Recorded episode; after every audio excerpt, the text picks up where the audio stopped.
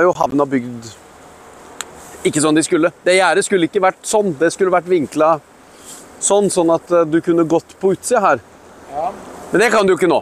Nei. Så TT Anlegg, vi var, jeg var her med TT Anlegg og, da, og min sjef, og da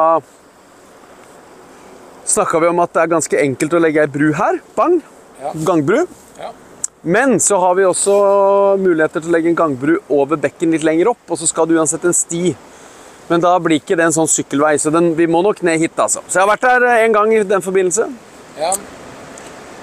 Men det er jo litt Akkurat når de holder på her, så er det jo litt sykt å tenke at vi skal putte gående og syklende inn i, inn i dette området.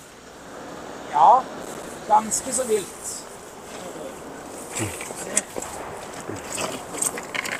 Men det er jo en viktig sjøørretbekk òg, så det er, jo, det er jo sånn sett Her gjorde jo Sjøørretklubben, hvis jeg forsto det rett, en god innsats med å Med å få Holde den åpen, for det var vel egentlig tanken å legge den i rør hele veien her. Okay. Opp hit. Og det ville vært krise. Eller ikke krise, men det ville vært lite heldig. Ja. En, en, en, jeg kan liksom ikke bruke krise om, om alt når en ser rundt seg i verden. Ukraina er krise, Gaza er krise. Det, her er, det ville bare vært en, en uheldighet for sjøretten. ja. Det er jo Hvis en, hvis en skal prøve å vekte Hvis orda fortsatt skal ha litt mening i morgen. Absolutt. Så nevnte du noe som fløy forbi. Ja, Du har jo eh, fått eh, hva, hva tenker du om eh, det som skjer i Kigenebekken og sånn, og TT-anlegg og sånn rett rundt der? Nei, det er ikke helt greit. Nei? Tror du at det kommer til å bli noe forbedring nå som du har tatt tak i det? Det spørs. Det er lov å håpe, er det det vi, det, det vi kan si? Ja. Eh, tida da vi eh, ikke lenger tar vare på sjøørretvassdragene våre, må være forbi. Og det er jæklig viktig, altså. Eh, det å holde de åpne, velfungerende, helst uten noe særlig inngrep. Ingen terskler. Det er viktig for fisken. Det er viktig for alt annet som bor der. For eh, i Kigebekken så har vi jo eh, Altså, Du har jo fossekall, isfugl har jeg observert flere ganger i utløpet. Kilen. Eh, Jeg aner ikke om isfuglen hekker der. Har ikke peiling. Ikke jeg heller. Skal du ha litt påfyll? Ja takk. Eh, men om den ikke hekker der, så bruker den det jo tydeligvis som et leveområde. Ja. Eh, spiseområde. Og det den spiser, er jo yngel. Og den yngelen det kan jo enten være sjøørretyngel, det kan være ute i brakkvannssonen der, kan være mye kuttlinger og stingsild og sånt noe.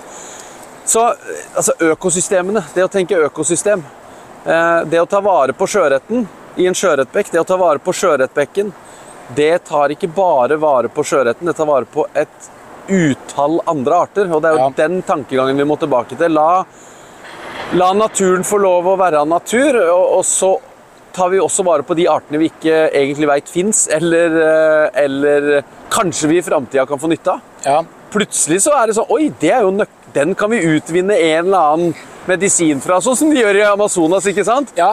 Altså, Oi, den kan vi lage medisin av. Tenk, det, De har vi sannsynligvis rundt i Norge, og vi har bare ikke funnet ut av det ennå. Nemlig, nemlig. Og da er det fryktelig dumt å drepe de. Absolutt.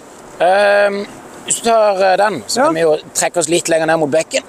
Litt mer roligere og hyggeligere der. Jeg liker bekken. Er, det egentlig noe vakrere enn å bare sitte og se på litt vann i bevegelse, om det er sjø eller bekk, eller elv? Nei, Nei, altså, jeg vet egentlig ikke helt det. Det er vakkert, altså. Jeg vet egentlig ikke helt.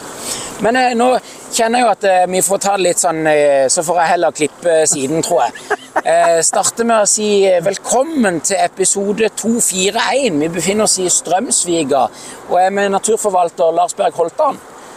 Eh, jeg har aldri vært her nede før. Jeg har kun sett det på eh, kart og på foto og video og sånn.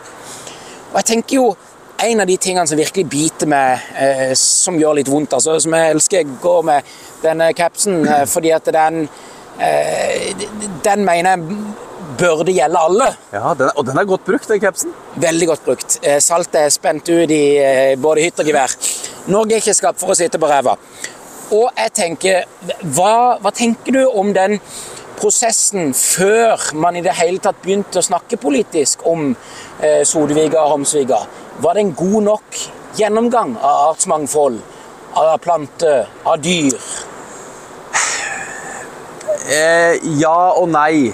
Jeg skulle alltid ønske at det ble kartlagt enda bedre, enda bedre, enda bedre. At man sender ut eh, de beste folka til å kartlegge på de beste tidspunkta. Og så er dessverre eh, plansystemet i Norge sånn, og dette sier jeg ikke fordi det har vært dårlige folk ute og kartlagt, men det er sånn at den som skal bygge ut, den skal også stå for kartlegginga. Det fins ingen eh, Det er ikke system i Norge at det er det offentlige som kan ha uhilda kartleggere på jobb, og som så kan sende regninga til utbygger. Og det er jo en stor svakhet. Dermed så vil det jo alltid kunne bli satt spørsmålstegn med er det godt nok.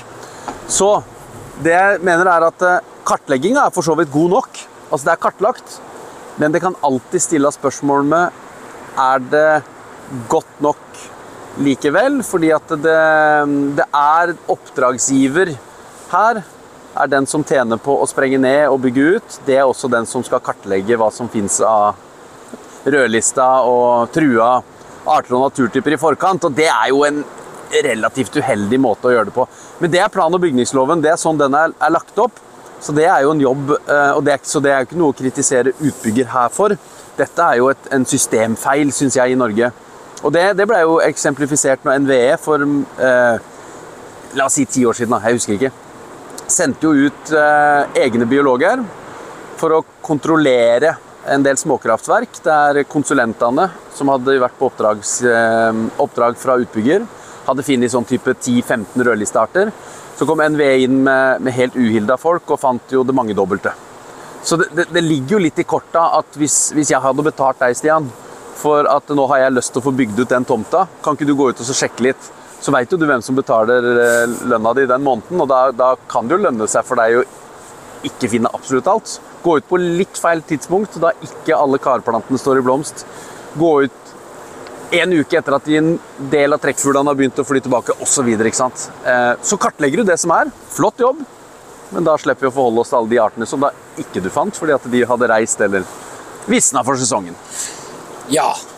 Og eh, Lars, hvis vi går og kanskje starter litt eh, i gåsøyne til begynnelsen. Eh, du, du, har vært eh, naturforvalter i nå denne nye kommunen. Eh, hvor lenge? Siden august 2022, eh, så ett og et halvt år nå, da. Sånn ja. cirka. ja. Og, og hva du, du, har jo en arbeidsgiver som gir deg lønn. Og, tenker du, Er det utfordrende å stå i den situasjonen du står i? For du ser jo at naturen skriker. Ja, det var det korte, det var det korte svaret. Og så kan jeg utdype. Ja. Eh, og så er det sånn da, at i kommunen, Jeg er jo ansatt som en av mange som skal mene noe. Eh, og jeg er jo en av flere fagfolk som kommer med, med innspill i prosesser og, og, arealforvaltning. ikke sant? Så bare så folk ikke tror at naturforvalteren har en sånn stor rød naturknapp jeg kan trykke på og stoppe alt, det har jeg dessverre ikke. Men det er klart det er utfordrende, for vi blir flere folk. Eh, vi har dårlig økonomi, vi skal gjerne ha flere innbyggere, vi skal ha skatteinntekter. Og naturen står i skvis hele tida. Det som er den største utfordringa i dag, er nok at naturen har eh, I gåsetegn, det kan ikke de som lytter eh, se, men nå lager jeg gåsetegn. Den har ingen verdi. Altså naturen representerer ingen kroner og øre i kommunekassa, er det da tydeligvis den rådende narrativet. Jeg er ikke nødvendigvis helt enig, for jeg tror at de grønne lungene eh, rundt oss, som vi kan bevege oss i, der vi ikke skal sitte på ræva, men bevege oss rundt i, det har mye å si for folkehelsa. Eh, jeg tror vi kunne målt millioner og på nasjonal basis milliardeffekter. Eh, det er sikkert noe som er forska på. Av å bevare mer natur, sånn at vi kunne gått ut, holdt oss friskere, sprekere, fått bedre fysisk og psykisk helse av å gå rundt her. Og det tror jeg faktisk eh, Det regnestykket der Hadde vi begynt å legge det inn for hver naturødeleggelse, der vi sier at ja, men her får vi jo 100 millioner i skatteinntekter, eller 50 millioner i skatteinntekter, så tenker jeg hvis vi hadde regna oss framover 100 år på Mandals befolkning, Norges befolkning, Lindesnes kommunes befolkning, så hadde det vært flerfoldige ganger det hvis vi kunne bevart noe mer natur vi kunne bevege oss ut i. For mennesket er jo i ferd med å flytte seg ut av naturen. Det har blitt oss mot natur. Og det er eh, Den utfordrende jobben min er liksom å, å stå i den spagaten da, mellom å ta vare på artene fordi artene har en verdi i seg sjøl, naturen har en verdi i seg sjøl, det har enorm verdi for mennesket, samtidig som jeg er ansatt i en kommune som selvfølgelig må sørge for å ha skatteinntekter nok til å kunne serve oss som bor her jeg skal også bli gammel en dag. Da jeg også, setter jeg også pris på en hjemmehjelp og et gamlehjem å kunne gå på. Ikke sant? Så, så det er jo den i, i, det rommet der, da. Det er jo det som heter politikk, Stian. Er det ikke det? Og der er jeg eh, en av de mange i bånn av den eh, pyramiden som bygger seg opp til endelige vedtak. Da. Men, men jeg, det er ikke utfordrende i den grad at eh, jeg opplever å Litt uheldig ting kan jo skje, men jeg opplever en veldig stor grad av frihet til å kunne mene det jeg er ansatt til å mene noe om. Og det er jo det viktige. Og så får heller de som sitter med beslutningsmyndigheten, velge å vekte mine innspill ned. Det er sånn livet er. Men eh, jeg får lov å mene, jeg får lov å gjøre det jeg mener er best for naturen og for befolkninga. Så det er, jo, det er, jo, det som gjør at jeg betegner dette fortsatt som en drømmejobb. Ja. Jeg har ikke blitt skremt av sted ennå. Og, og, Lars, eh, det syns jeg var veldig flott sagt, og jeg vil prøve å tenke litt tilbake, for eh, vi har møtt hverandre før eh, opptil flere ganger. Og en av gangene er jo eh, forhåpentligvis Nå vet vi jo ikke om det kommer til å skje i dette året, eller om det blir til neste år. Så blir det forhåpentligvis et badehus i Furulunden. Stemmer. Og nå er det faktisk bare et par dager siden. Jeg liker å bruke sitat gåseøyne. Jeg skal prøve å hoppe etter Wirkola, min bestefar. Som, så jeg meldte meg inn i dugnadsgjengen for et par dager siden. Oi, se det. Og for du nevnte disse grønne lungene. Og jeg tenker jo, Hvordan kan man våkne ungdommen til å liksom ville bidra og kanskje melde seg inn i f.eks. dugnadsgjengen tidligere, før du er pensjonist? Ja, Nå sliter vel dugnadsgjengen med det image om at det er en pensjonistgjeng. Så de, de må lage en sånn ungdomsavdeling. Men eh, jeg, jeg, jeg, mener jo at eh, Og det er noe av det jeg prøver å få til. Det er veldig mye Jeg har sagt ja til veldig mye i kommunen. Jeg har veldig mange tanker og, og ambisjoner. Og så har jeg bare 7,5 times arbeidsdag. Men jeg mener jo at å få ungdommen engasjert og interessert i natur, da skaffa vi oss også disse Når jeg var ung, så var det Blekkulfklubben som kom for fullt. Eh, og, og, og, litt av det samme i dag. Vi skapa engasjementet gjennom å gi eierskap til det rundt oss. Jeg husker nå skal jeg fortelle, og Det er ikke for å være stygg mot faren min, men det var sånn vi gjorde det på den tida. Faren min han er født i 45, Sandefjord. Han er vant med å ro kjøleskapet ut og dumpe det midtfjords. Ja, men altså, når kjøleskapet på 60-tallet var ødelagt, det var ikke noe søppelfylling og nei, nei. Så det var det bare å ro det ut, bærte det i båten, rodde ut, pælma det ut på Korsvikbåen og kjørte hjem igjen. Ute av syne, ute av sinn. Eh, så når jeg vokste opp på, på det glade 80-tall, og vi var på båtferie da var det ikke noe skjærgårdstjeneste og søppelhåndtering i skjærgården. Er du gæren? Da var det siste faren min alltid gjorde, for vi sov aldri inne i båthavner. Nei, nei, nei, vi skulle sove ute på skjæra. Nidelv 24 ute på skjæra. Det var familien min. Og da Siste han gjorde, var å ta med seg en stein eller to. Og så putta han de i søppelposene. Og så når vi da kom et lite stykke utafor, så pælma søppelposene over rekka. For da sank jo den med stein i. Det var sånn vi gjorde det da. Og så og dette var en lang historie da, for å fortelle om at eh, så kom eh, jeg på skolen. Så begynte vi å høre om Blekkulf.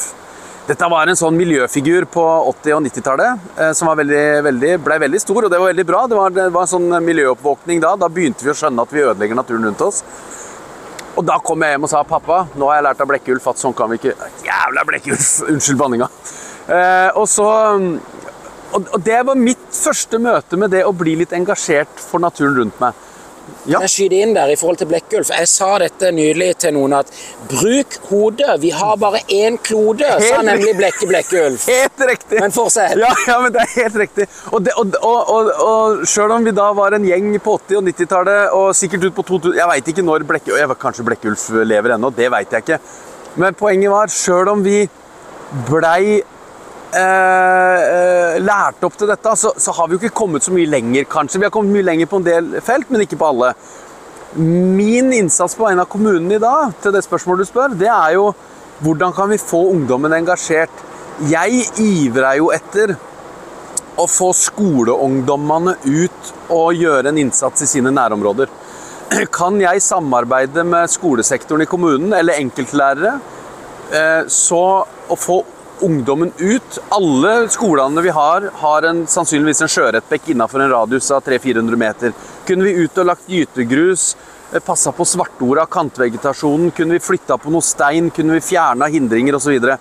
Eh, eller kunne vi dratt ned i type Furulund eller andre steder, fjerna fremmedarter? Gyvel, mispel, eh, rynkeroser. Altså det, det renner over av det. Eller kunne vi lagt til rette for skjøtsel av skjærgården vår? Eh, svidd. eh, hjelpa til bondens beitedyr. eh, fått mer hekking av sjøfugl. Altså, de mulighetene har vi. Og vi har masse skoleungdom som trenger fysisk aktivitet. Det er jo et eget fag nå. Fysak. Jeg har sjøl to barn på, i skolealder. Fysak. Og de skal ha naturfag. Jeg kan jo stille, og mange andre gode folk kan jo stille og gi den økologiske og biologiske bakgrunnen for hvorfor vi skal i dag gjøre sånn og sånn.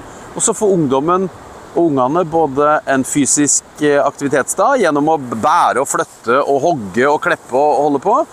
Og så får naturen en gevinst, og så vil om ikke alle, så vil kanskje 10% av de skoleungdommene vi har hatt ute, gå videre som små miljøagenter som tar vare på sitt nærområde, og som, som jeg den gangen kommer hjem til sine foreldre og sier Nei, pappa, mamma, ikke kast det søppelet ut der, eller ikke eh, gjør sånn og sånn i den bekken. Ikke hogg det treet, for det er et riktig tre. Ta heller det treet, for det vil vi ha bort.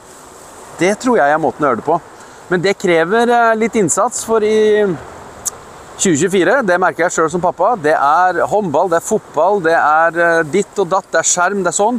Så hvor skal vi finne den tida til å kunne gå og gjøre den dugnaden på kvelds- og helgetid?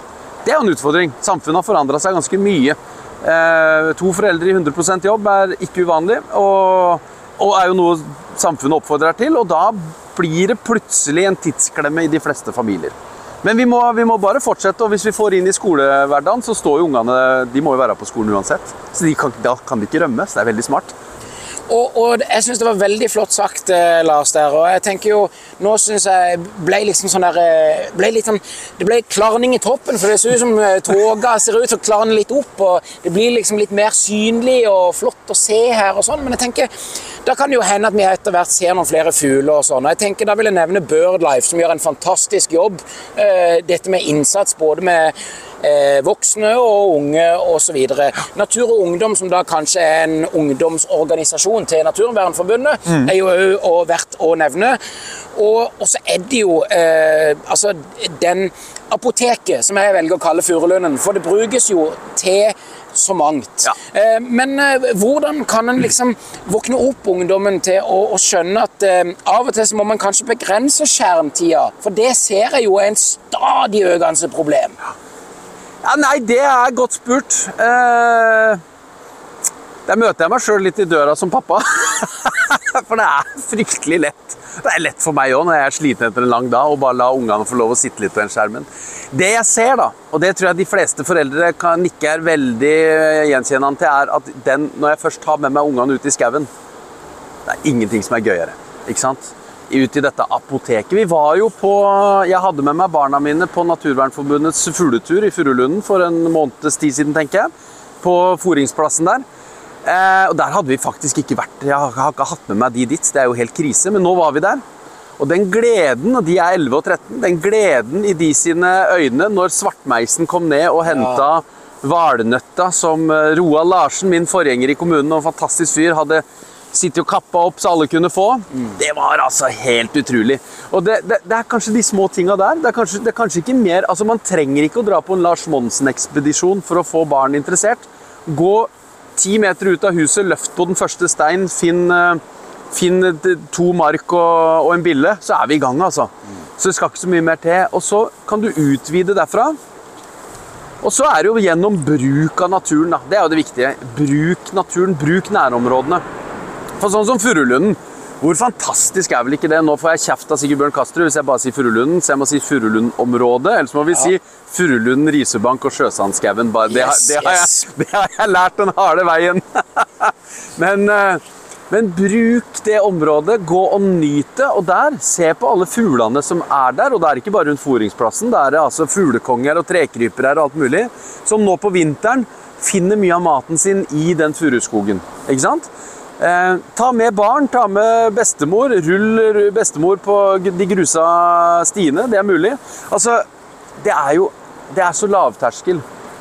Og det som er Det var grønnspetten, vet du. Ja. Det som eh, Det som jo er med de der lungene der, det er jo eh, Litt synd å si, da. Men sånn som Sodevika og Strømsvika her vi sitter nå. Ja. Eh, det er jo synd å si det, men det må jo kanskje noen ganger til såpass gigantiske inngrep i naturen for at vi at vi begynner å forstå hva vi er i ferd med å miste. Ja. Så jeg tenker noen ganger aldri så ille så er det godt for noe. Det har vært en miljøoppvåkning nå. Så kanskje vi trenger litt mer eh, sprengningskåte utbyggere og positive politikere til å få også barn og ungdom til å gå og stelle seg på barrikadene. Men vi voksne må jo vise vei. Altså, vi må, vi må gi eh, ungdommen håp om at vi hører på dem, og der har vi nok litt å gå på. Vi er ikke så gode til å høre på, på de unge, og det er tross alt de unge som skal ta over den driten vi etterlater oss for nå. Nå ser det, nå ser det stygt ut. Tenk, tenk, nå sitter jo vi midt i Strømsvika. Eh, nå letter tåka, ja.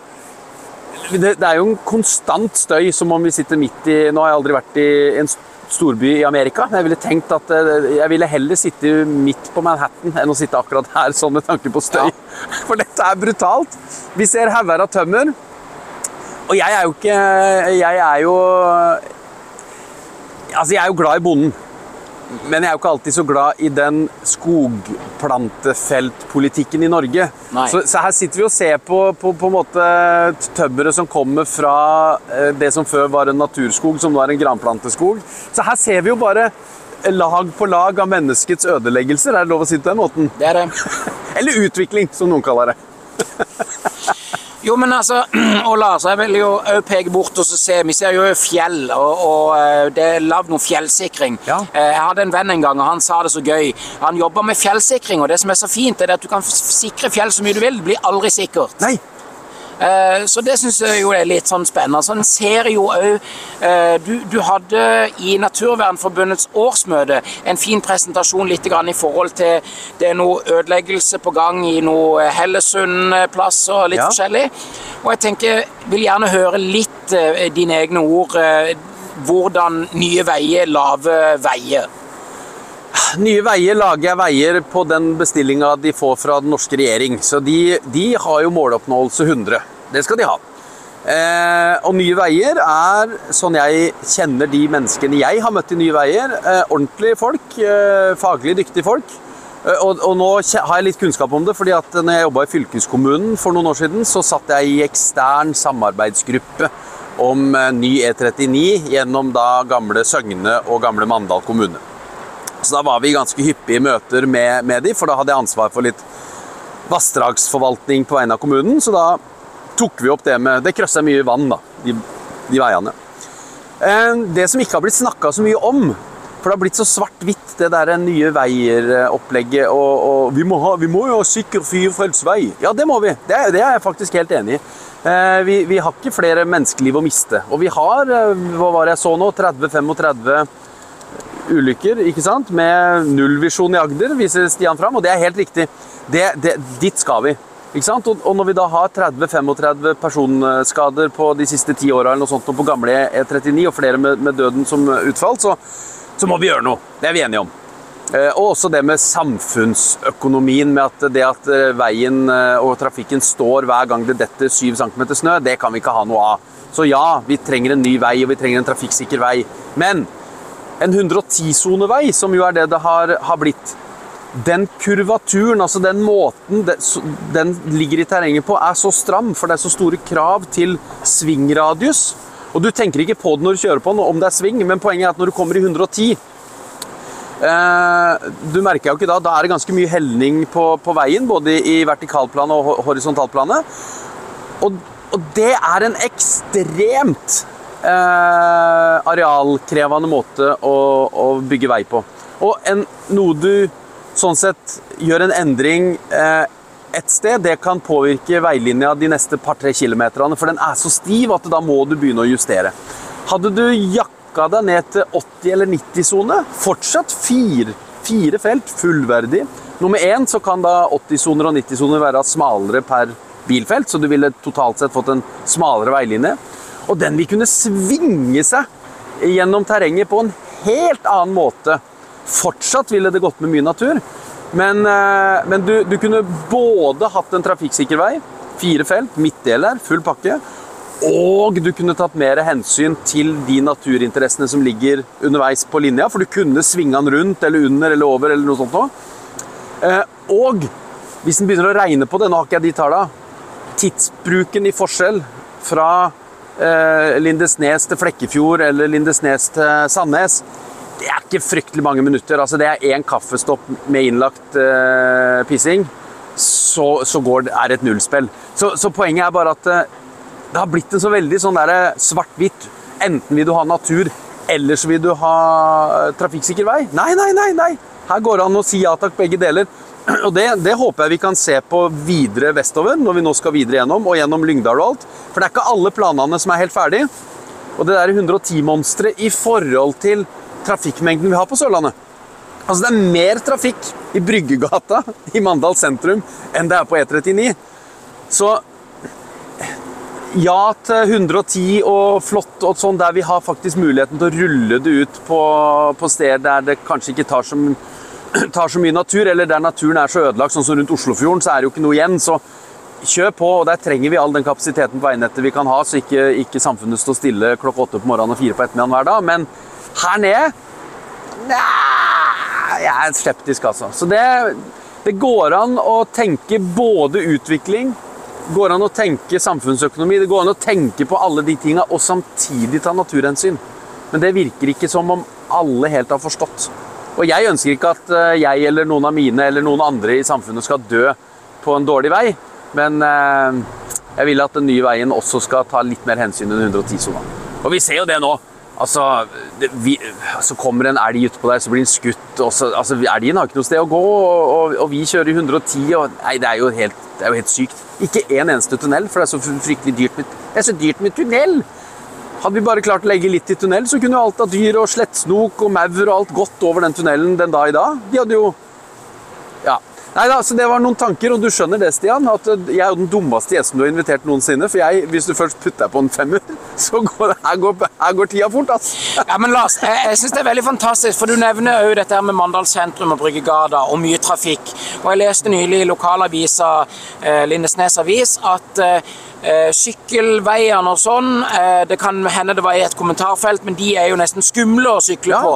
Eh, og det har jo òg vært snakka i byutviklingsområdet om å eventuelt stenge Bryggegata for faktisk biltrafikk og omdirigere det rundt. Jeg vet ikke, Har du noen tanker rundt det? Nå vet jeg, og Dette er jo blodferskt. Nå vet jeg at det ble presentert en såkalt trafikksikkerhetsplan i utvalg for areal og miljø i går. Eh, politisk. Den planen har ikke jeg noe med å gjøre, men jeg vet at min sjef var der. Eh, jeg personlig skulle jo ønske at vi kunne åpna arealet mot elva i større grad for gående, syklende og torvboder og alt fra uteservering eh, til eh, Altså til at det, mennesket skulle fått førsteprioritet på det mest attraktive arealet vi har i byen. Men så er jeg heldigvis ikke den som da samtidig skal ta ansvar for hvor alle de 10 000 bilene i døgnet skal kjøre. så det, det, er jo enkelt å sitte og si at det stenger Bryggegata. Eh, men jeg har ikke noe godt alternativ eh, sånn det er i, i, dag. Men at vi bør gjøre noe Hvis vi vil ha opp sykkel- og gåendeandelen i, i Lindesnes kommune, og Mandal sentrum spesielt, så må vi nok kanskje uppe gamet på godt norsk enda litt for å få sykkel og gående til å bli det foretrukne alternativet. Og der har vi nok ikke vært gode nok. Altså de, hvor breie er de der felta i Bryggegata? En halvmeter, meter, kanskje? En og halv, ja. ja. Altså, jeg veit ikke om jeg hadde følt meg helt trygg hvis eh, mine barn skulle sykla der hver, da, for jeg ser mye. Og det er ikke eh, det er mye, mye, rar kjøring. Vi med bil glemmer at det er et sykkelfelt, så vi for å svinge unna motgående bil, så svinger vi inn i sykkelfeltet osv. Så, videre. så helt optimalt er det ikke.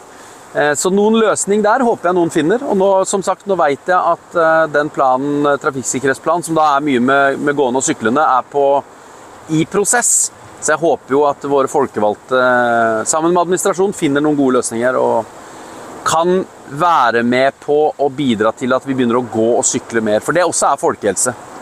Det at vi kjører bil hele tida, sitter stille hele tida, det må vi betale med renter og renters rente når vi blir gamle og skrantende og trenger hjelp til alt. Hadde vi kunnet sykle til jobb hver dag, hadde vi kanskje klart oss hjemme alene i fem år ekstra, og det ville samfunnet spart mye på. altså. Så det handler om å investere i framtida, da.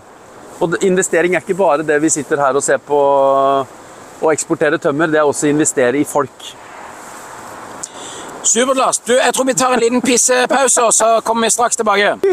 Ja, da er vi tilbake igjen etter jeg har fått eh, tømt litt eh, tank. Jeg har funnet fram litt vestlandslefs, selv om vi er på Sørlandet. Ja, det er fantastisk. Dette, dette, dette er den beste podkasten jeg har vært gjest i. Også den eneste, men den desidert beste til nå. Ja, men så godt. Tusen takk for at jeg får komme. Ja, så godt. Fantastisk. Ja, nei, eh, vi da har jo eh, naturmangfoldsloven, eh, som kom i eh, 2015, tror jeg, hvis ikke jeg husker helt feil. Eh, og òg dette her med planvask, som du var så vidt innom før vi starta opptak igjen. Og, eh, vi har eh, en avtale i kommunen om at det skulle utvikles industri i Homsviga, Strømsviga osv. langt tilbake i tid. Mm. har du noen tanker rundt det, og hvorfor vi kanskje burde tenke litt annerledes? Ja, da er vi inne på det vi snakka litt om i stad, med det norske plansystemet og hvordan det henger i hop for. Selv om vi har naturmangfoldlov og masse andre særlover som skal ta vare på natur, vassdragslovgivning osv. Så, videre. så er det nå engang sånn at eh, med mindre noe er eh, verna eh, og har egne verneforskrifter, så er det plan- og bygningsloven som er den viktigste naturloven vi har, faktisk. Fordi at det er den som vi skal forvalte alle arealene våre etter. Så har plan- og bygningsloven noen eh, litt, mang litt mangler. Og det er nok mangler som ligger der fordi at eh, i utgangspunktet så, så synes det kanskje er noen som synes det er veldig å, å, gjøre så mye jobb for noe som kanskje ikke blir noe av. Det er dumt å, å bruke tid og krefter på. Så når noe legges inn i kommuneplaner og overordna reguleringsplaner, så er det ofte ikke all verdens krav til utredning av hva som er der. Altså, og bare så folk der ute skal vite det, Kommuneplan det er jo da planen for arealbruk av hele kommunen. En veldig overordna, grov plan. Der setter vi noen grove linjer. Eh, her skal det være bolig, her skal det være næring osv. osv. Og så, når du skal bygge ut det området, så skal du da regulere området. Altså detaljavklare hva som er innafor det området. Da kan det være at du må sette av lekeområder, grøntområder, eh, holde en bekk åpen osv. osv. Da er vi på detaljplan. Bare så folk eh, kan de to nivåene. Og så finnes det to nivåer reguleringsplan. Områdereguleringsplan, som er ganske grov, men finere enn en kommuneplan. Og så har du detaljreguleringsplan, eller det som nå heter detaljplan, som, som er, skal være den, den, skal være så nøyaktig at du kan bygge ut rett etter den. Der skal hus og vei og sånn være plassert i kartet. Sånn at når du begynner å asfaltere der, så, så er det etter, etter plankartet. Nok av det. Poenget er at på de overordna plannivåene så er ikke kravet til utredning all verden stort. Da skal du sjekke eh, tilgjengelige eh, databaser, f.eks. Sjekke naturbase, sjekke artskart, eh, sjekke vassdragsdata. og så kan du skrive ja, nei, her var det ikke noe særlig, eh, vi kan bygge det ut. Eh, grunnen til at ikke det er noe særlig der, eh, det er jo fordi at sannsynligvis har aldri noen vært der og kikka noe særlig og registrert noe. Det kan være at en og annen birdlifer har vært og sett ti fugl når han bare gikk tur på den haugen, men de, de, ti fuglene er kanskje ikke rødlista nok til at noen skal bry seg om det.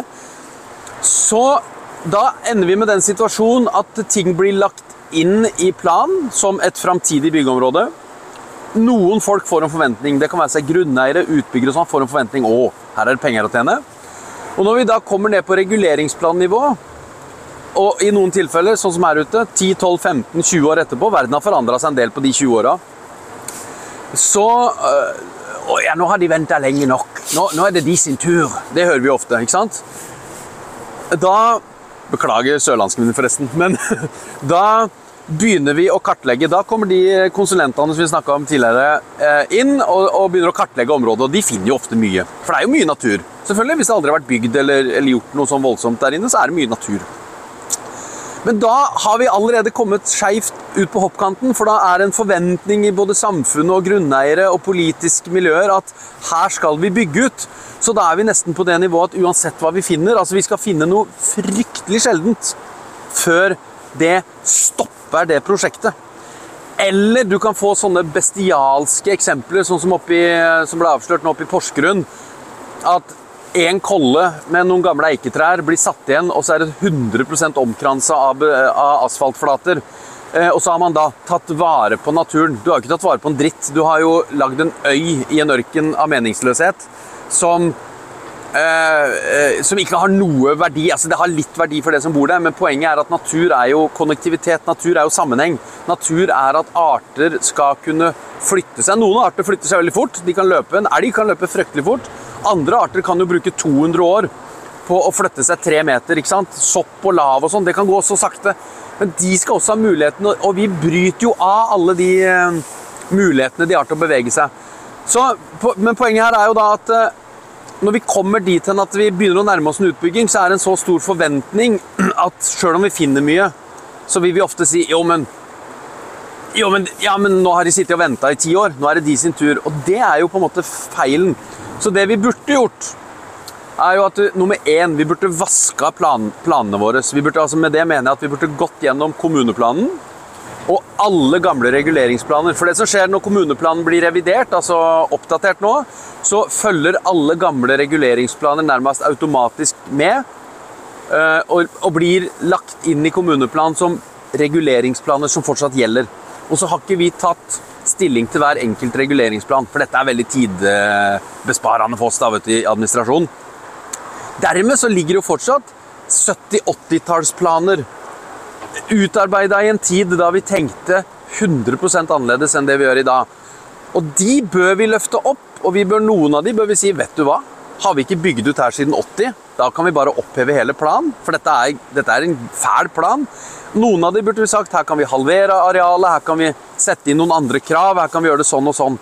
Eh, fordi at sånn det ligger nå, så har vi jo eh, utbyggingsreserver, og dette fortalte jeg om på årsmøtet til Naturvernforbundet òg. Vi har utbyggingsreserver nå på bare 12 000 dekar eh, i kommunen. Og så har vi bygd ut fra tidenes morgen, fra mennesket kom til Lindesnes kommune til nå, så har vi bygd ut 14 000. Så vi har altså nesten like mye som vi kan bygge ut i eksisterende planer, som vi har bygd ut på de eh, 12 000 åra mennesket har vært i Lindesnes kommune. Og det er ganske horribelt, altså. Vi må tenke nytt på dette. Vi kan ikke fortsette, for er, da er det ikke lenger noe bærekraft igjen.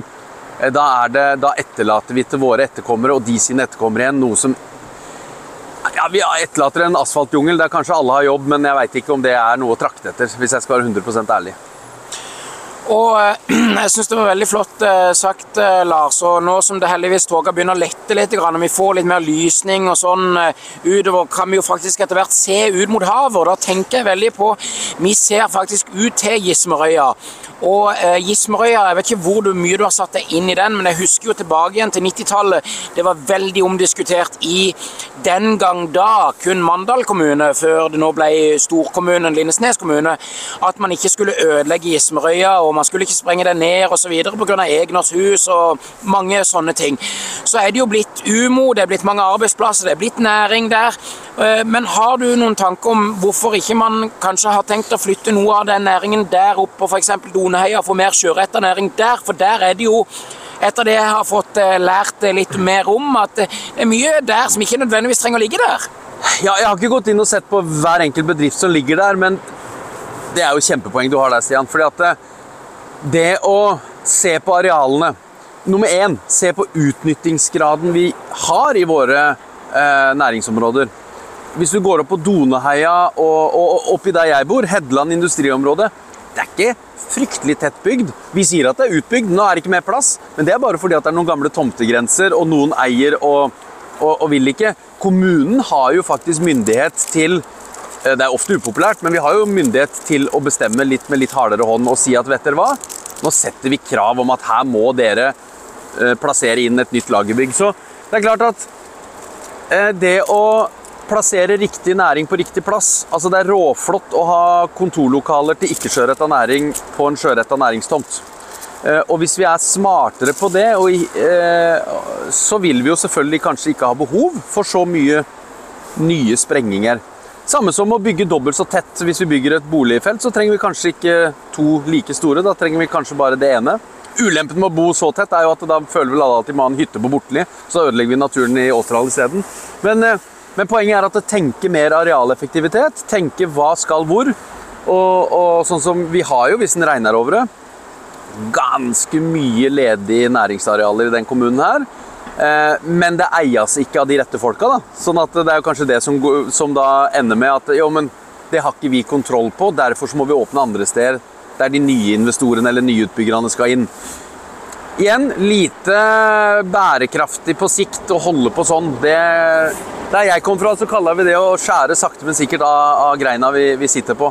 For tro det eller ei, vi kan ikke leve av stein og betong. Altså. Det er eh, mat og naturtjenester som vi, som vi mennesker nyter godt av til slutt.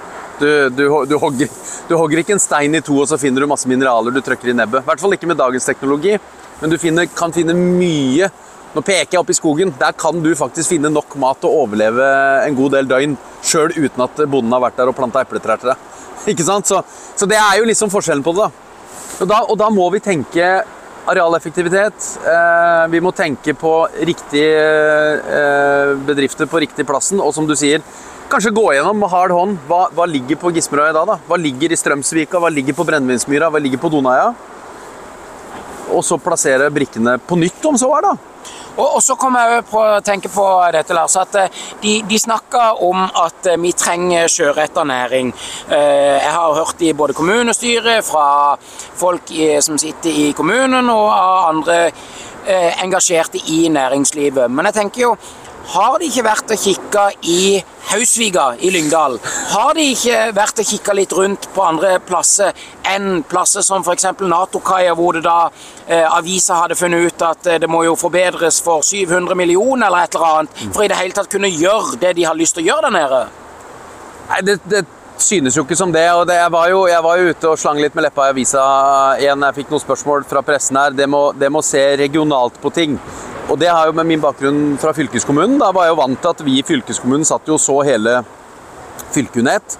Prøvde jo å lage noen regionale planer. Problemet er jo at fylkeskommunen eh, Nå skal jeg kritisere de litt. Fylkeskommunen, fylkespolitikerne, er jo bare, i gåsetegn igjen, en gjeng kommunepolitikere som sitter med en litt annen hatt på seg i fylkestinget.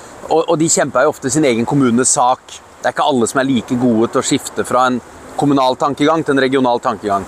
Med andre ord så har ikke fylkeskommunens politikk all verdens gjennomslag. For det blir ofte møtt med, med motstand lokalt i kommunene hvis fylkeskommunen skal komme og si nå får bare Lyngdal lov å ha ny havn. Nå må Lindesnes og Flekkefjord tie stille og Farsund. Ja, men vi skal også ha, ikke sant? For alle skal ha, alle skal ha. Og det er jo problemet. Alle slåss. Det er akkurat samme som på E39. Alle skal ha sitt næringsområde, sitt kryss. Er det egentlig noe krise å kjøre til Lonelier eh, med, med, dagens nye vei? Er det egentlig, altså som du sier, Hausvik. Eh, ute i Farsund så har de Lundevågen. Ligger ferdig, store arealer, planert, ferdig. Hausvik er jo nesten ferdigsprengt. Hyttefolket der ute Jeg har jobba i Lyngdal kommune òg, jeg. Eh, heldigvis ikke med plan og bygg, men det var mye, bokstavelig talt, støy Eh, fra hyttefolk, fastboende, som stadig kontakta kommunen og, og, kommunelegen og fylkesmannen, fylkesmannen, statsforvalteren, om støyproblematikken. Så hvorfor skal hver kommune sitte og slåss og ødelegge sin egen natur for å posisjonere seg for en eller annen fremtidsvisjon? Eh, det skjønner jeg ikke, for jeg tenker jo hvis, hvis det nå ligger til rette i Hausvik, flott, la Lyngdal få det. La Farsund få det. Eh, og så kan vi i Lindesnes si, vet du hva? Istedenfor å bo i disse støyutsatte havneområdene, så kan dere komme og bo her hos oss. Stille og fredelig her i Lindesnes. Så får vi skatteinntektene fra innbyggerne, som jo tross alt er ganske mye, mens de reiser til Lyngdal og jobber. Det går an, det òg, for nå får vi ny vei, vi får ny alt. Og når vi får alle den, de nye veiene og måten å, å, transportere oss effektivt fra A til B, så skjønner jeg ikke hvorfor vi skal fortsette å slåss om at alle sammen skal ødelegge mest mulig natur for å stå klar til de, alle disse nyetableringene. For vi må tenke regionalt. Vi må tenke litt utover vår egen navle. Litt sånn som de store tankene om klima og alt. Nei, Norge løser ikke klimakrisa alene. Men vi kan ikke sitte og bare se på våre grenser. Vi er en del av en klode der vi alle sammen må dra i samme retning. Og sånn er det også når vi knekker det ned på Agder, Sørlandet, Norge. Altså vi, vi må tenke Vi trenger ikke å ha en uh, nedsprengt gigahavn i hver eneste kommune.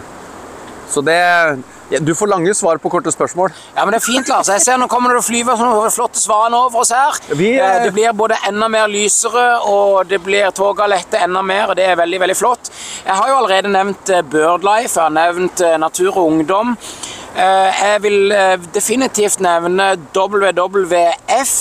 eh, World Wild Wildlife Yes. Foundation, er det? Federation? yes, eh, De i disse dager har jo en underskriftskampanje som jeg vil veldig gjerne at alle går og skriver under, som er mot dette å grave på havbunnen. Ja. For dette har du vel òg satt deg litt inn i? Ja, det, og Norge er jo en versting. Det er, det er helt utrolig. Norge, verdens, et av verdens rikeste land i hvert fall. Jeg har ikke helt sjekka hvor vi ligger, men vi er, vi er jo Altså, Vi er jo født med en sølvskje i kjeften. Etter vi fant olja, så har vi jo blitt en gjeng ufordragelige folk som mener at vi veit best. Og vi er jo en av de få, kanskje det eneste landet, som tillater både gruvedrift på bånn og fortsatt dumping av gruveslam i fjordene våre. Som om ikke vi av alle skal ha råd til å gjøre noe annet enn det. Det er helt ubeskrivelig dumt. Og poenget er jo det, igjen, det med kunnskapsgrunnlag. Det er akkurat samme havvind, egentlig. Vi, vi toucher innom de samme tinga. Ja, eh, det er flott med næringsveier, og, og sånn som havvind er er jo grønn energi der den mølla når den først står der. Men hvor grønt det er å kverne havfugl og spre mikroplast og, og alt mulig Men det er en annen diskusjon. det var ikke det du spurte om. Men poenget er jo da at vi i Norge vi bør jo vite bedre enn å, å, å sprenge. Vi har dypvannskorallrev. Vi har masse naturtjenester, også på de dypeste dyp der vi ikke tror det er noe. Men det er jo ikke sånn at torsken som vi fisker, som fiskerne fisker hvert år, den skreien oppe i Lofoten, eller den norske vårgytende silda, altså alt det som lever ute i havet, det oppstår jo ikke i et vakuum. Det er jo en del av et økosystem ute i havet, der de små planktonene Dyreplankton blir spist av Nei, planteplankton blir spist av dyreplankton. Dyreplankton blir spist av, av ditt, som blir spist av datt, som blir spist Og til slutt så har vi 20 kilos torsker som vi kan fange og, og på en bærekraftig måte høste et overskudd av og spise. Uten å måtte gjøre som lakseoppdretten og tømme havet for byttefisk eh, et sted for å fôre opp luksusfisk et annet sted. Dette er på en måte en natursystemtjeneste som går og går, og som eh, norske folket i tusenvis av år har høsta et overskudd av. ikke sant? Og så skal vi begynne nede på havbånn, helt uten å egentlig vite konsekvensen av det. Det er, det er eh, jeg vil påstå sjokkerende. Og det samme er gjenfylling av Førdefjorden og etter hvert kanskje Repparfjorden. Det er 100% krise. Alle som har vært og, Jeg har vært og fiska i Jøssingfjord. Der Titania har fått lov å, å slenge fra seg slammet i mange mange år. Det anbefales. Det er ikke lange kjøreturen herfra, det. En halvannen time kanskje til Jøssingfjord. Eh, stikk ut der, sleng ut en, eh, en krok på bånn og se hva du får opp. Du får opp eh, svart slam, og du får ingen fisk. Det er helt sykt. Og sånn holder vi på i Norge i 2024. Er ikke det, er ikke det helt krise? Eh, Ja, noe skal vi leve av, men det skal søren ikke være gruveslam på bånn og, og mineralfangst på, på havbunnen i Nordsjøen. ass. Det er jo helt, det er jo så nisselue som det går an. Og eh, Lars, eh, min eh, forrige gjest, eh, Peder Johan Pedersen, har jo i Naturvernforbundet kjørt en drone på utsida rett ut forbi her. Vi kan liksom ikke unngå å snakke litt grann om havbunnen på utsida av Strømsviga her, da. rett. Det er jo eh, ingen liv der lenger. Nei, det er ikke det. Og det, og det er så jæklig synd. Uh, og, og Peder Johan har jo Jeg står på kopi. Han sender uh, Naturvernforbundet sender e-poster til kommunen, og det er veldig bra. Fortsett.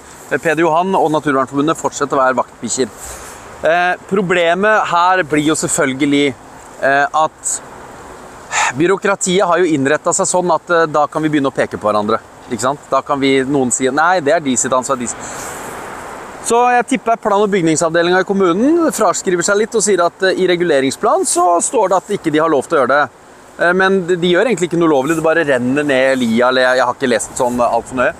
Eh, Og så peker de på at statsforvalteren er jo de som skal gi tillatelse til eventuelt å forurense. Og så sier statsforvalteren kanskje jo, men dette skal jo kommunen ta tak i i plan- og byggesaken. Og så sitter vi og Og mens vi sitter og peker på hverandre, så dør livet i den eh, i, Vi kan ikke kalle det en fjord, men en, en liten bukt, eller en stor bukt, Strømsvika.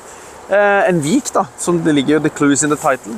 Um, og det er, jo, det er jo ganske krise, for den Nå husker ikke jeg åssen det var her uh, før. Jeg har, ikke, jeg har aldri vært her inne og dykka eller noe sånt noe før man begynte å sprenge ut. Men jeg, jeg husker jo jeg så de bildene på om det var Federlandsvennen eller Linde- Lindesnes Avis. De filma vel omtrent, omtrent live første, første ladninga gikk.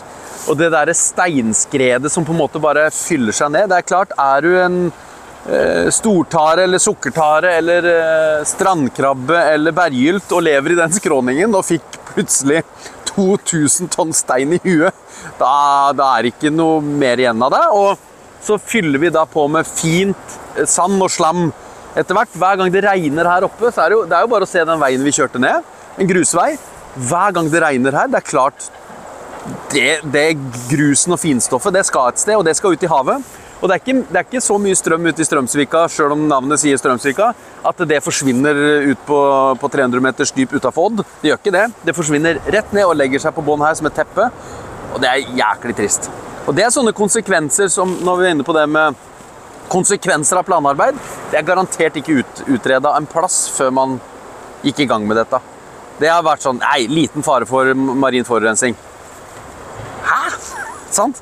Så da er vi tilbake igjen der, altså. Og det er, det er trist, for da Inni her så har det jo fra tidligere levd eh, garantert masse, masse fisk og smådyr og alger og alt som er viktig for det økosystemet som du og jeg og våre medborgere i Lindesnes kommune og alle hy tilreisende hyttefolk Vi fisker lyr, vi fisker torsk, vi fisker litt makrell på, på, på sommeren. ikke sant? Det Igjen, vi er i ferd med å saga nok en grein. Ikke sant? For her inne i Strømsvika har det garantert vært en eller annen form for produksjon som gjør at eh, fiskene og krabbene og alt annet liv i havet har nytt godt av det. Så enkelt er det. Så vi kan, ikke, vi kan ikke fortsette å sitte og si sånn Nei, den har ikke noe særlig verdi. Jo, selvfølgelig har den særlig verdi. Det lever noe der. Da har den en verdi. Punktum finale. Ja. ja. Og Lars, før vi uh, gjør oss sånn avslutningsmessig og sånn her, så er jeg jo veldig spent på Men jeg har allerede i bakhånd tenkt at uh, den neste gjesten du kan sende meg videre til, det er han du skal gå og prate med etterpå. For det tenkte jeg kunne være en fin kobling videre til neste episode. Ja, ja. Uh, fordi det handler nemlig om elver og bekker osv. Og, og da tenker jeg jo at jeg vil spørre dine beste tips fysisk, psykisk og sosialt. Oi! På, på livet, altså? Det er det du spør om? Fy søren, du, du avslutter med de store spørsmåla, Stian. Vær blid. Vær blid og fornøyd. Ikke og Jeg har jeg, Min livskrise, det kan jeg jo si litt om. Eh, min livskrise er en veldig liten krise i det globale bildet. Min livskrise er en skilsmisse. Eh, og den er fryktelig liten altså, i, i, forhold til alt det jævelskapen som skjer i verden. Men for meg så var det eh, et par-tre fæle år. Så ærlig skal jeg være. Og så brukte jeg tida da på å, hva, hva, hva, vil jeg være, og hva vil jeg at framtida skal gi? Og så tenkte jeg, vet du hva, Lars? Du må slutte, du må slutte å synes så synd på deg sjøl. Og, og, du må slutte å fokusere på alle de negative tinga. Så det jeg har blitt god til, er legg de tinga du ikke får gjort noe med, til side. For de får du faktisk ikke gjort noe med. Altså, Det hjelper ikke at du sitter og graver deg ned hjemme eller ute eller hvor du er. I, i, desperasjon over ting du ikke får gjort noe med. Så får jeg ikke gjort noe med det, så legger jeg det til side. Det høres kanskje litt, litt enkelt ut. Det er ikke så enkelt, men det, du kan lære deg det. Jeg har lært meg det. Eh, så legg det til side. Og så fokuser på de tinga som faktisk gjør deg glad. Da. Altså For meg, familie, venner. Jeg er glad i å fiske, jeg er glad i å være ute i naturen. Eh, jeg er glad i å spille frisbeegolf. Eh, men altså Gjør de tinga Ikke tenk så jæklig mye på hva alle andre skulle tenke om deg eller tro om deg. Gjør det som gjør deg glad, så lenge ikke du plager andre. Kardemommeloven gjelder. Du skal ikke plage andre, du skal være grei og snill. Og for øvrig kan du gjøre som du vil. Så ikke bry deg om det du ikke får gjort noe med, for det får du ikke gjort noe med. Kos deg med det du, det du liker å gjøre, uavhengig av hva omgivelsene gjør. Drit i fasade. Fasade er, det er, å, fasade er dritt, ass. Eh, vær deg sjøl, alltid. Og det er jeg litt stolt av. Det tror jeg at Hvis du møter meg her på en podkast, eller hvis du møter meg på et eh, eh, politisk møte, eller om du møter meg på fritida eller etter at jeg har tatt tre øl, så er jeg ganske gjenkjennelig. Jeg har ikke én jobbfasade og en, eh, en hjemme hos familien-fasade. Eh, så det er mine små tips til eh, fysisk og psykisk helse. Det har i hvert fall hjulpet meg veldig. Eh, og jeg sier jo ofte det. Jeg drar ofte og fisker. Kommer en helg da, da barna er hos min ekskone og, og jeg ikke har noe annet på kalenderen, så stikker jeg og fisker sjøørret. Veldig glad i å fiske sjøørret nå på våren og vinteren og våren. Ja, får du noe? Ja, jo, det hender jeg får noe, men det er ikke det som er poenget. Poenget er å unngå en psykologregning. Poenget er at jeg skal komme meg ut, senke skuldrene, sitte sånn som vi sitter nå, ta en kaffekopp, se på havet. Det kommer no, nå kommer jo trekkfuglene. Nå har det jo kommet litt grågås og litt ymse. ikke sant? Ja. Sitte og nyte det for å unngå å måtte betale 3000 kroner til en psykolog neste uke. For da, da detter skuldrene å, sånn på plass. Ikke sant? Og så blåser jeg i da, og da er vi inne på det igjen, da blåser jeg i at jeg egentlig burde vært hjemme og rydda og støvsugd. Jeg blåser i at, at oppvaska burde vært tatt. Fordi at det får jeg ikke gjort noe med. Nå sitter jeg her og koser meg, og så, og så løper ikke den oppvaska av sted. Den står her når jeg kommer hjem. Så det er ikke noe fare. Jeg trenger ikke å sitte nå og bekymre meg for den, for den tar jeg bare etterpå. Så de tinga der eh, Og, vær, vær et godt medmenneske. Og, og, og jeg er litt stygg med folk, da, men vi er jo født med en sølvskje i bunnen. Sjøl oss som Jeg begynner jo å bli gammel mann, så jeg har litt vondt her og der, og korsryggen krangler og Men kjære vene. Altså, det er jo Jeg bor i et land der jeg kan gå til legen og, og få gratis legetime, og han sjekker meg, og han sender meg videre til et sykehus som så er. Jeg er så privilegert. Så vær alltid takk... Byen da må være grunnleggende takknemlig for å være så privilegert at du er født i Norge, da. Det er liksom en god start. Da blir alt, da blir alt så mye lettere. Og jeg har eh, enda et stort spørsmål, Lars, før jeg, jeg tror gjerne du vet allerede hvem jeg vil du skal sende meg videre til som en gjest, men eh, et visdomsord, eller noe som har planta seg i toppen, enten det er fra din far eller bestefar. Jeg kan godt nevne to. Eh, min bestefar, eh, som jeg prøver å hoppe etter i, i dugnadsgjengen, han har sagt du må lære deg å svelge noen elefant og kameler. Og eh, min far har sagt det er ikke hvordan du har det, men hvordan du tar det.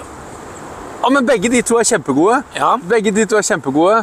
Jeg har et som jeg Noen ganger kan jeg bli litt byråkratisk av meg. Altså, jeg, altså jeg, jeg liker veldig godt å vite. Jeg er litt vitebegjærlig. Eh, Altså, Les den ekstra rapporten, skaff deg den ekstra kunnskapen. Så jeg lever nok litt etter det faren min alltid har sagt. Og det er ikke på den blasfemiske måten. Han har alltid sagt 'tru, det kan du gjøre av kjerka'. Så jeg, det er nok noe jeg har tatt med meg, at uh, istedenfor å gå tru, så prøver jeg så godt jeg kan å finne uh, Ta den ekstra mila da, for, å, for å finne det faktiske faktagrunnlaget. Eh, og Det er nok det som har ført meg inn i, i naturvitenskapens verden òg. Nettopp det med at, at jeg, jeg, jeg, kan ikke gå rundt og tro. Må, hvordan er det? Hvordan henger dette egentlig sammen? Så det er kanskje det jeg må, må løfte opp, da, som, i tillegg til de du sa. For det er jo kjempe, kjempeviktig. Altså. Så ja, Fantastisk. Og da, hvem er neste gjest du sender meg videre til? Du, du, må, du må gå og prate med Kjetil Sjølingstad. Og nå skal jeg sannsynligvis eh, av sted og se på en bekk med Kjetil Sjølingstad nå. For eh, maken til idealistisk bekkemann og lærer og arbeidslivsfag og alt som er godt her i livet, skal du leite lenge etter. Så ta en prat med Kjetil, da. Kjempe. Hjertelig takk.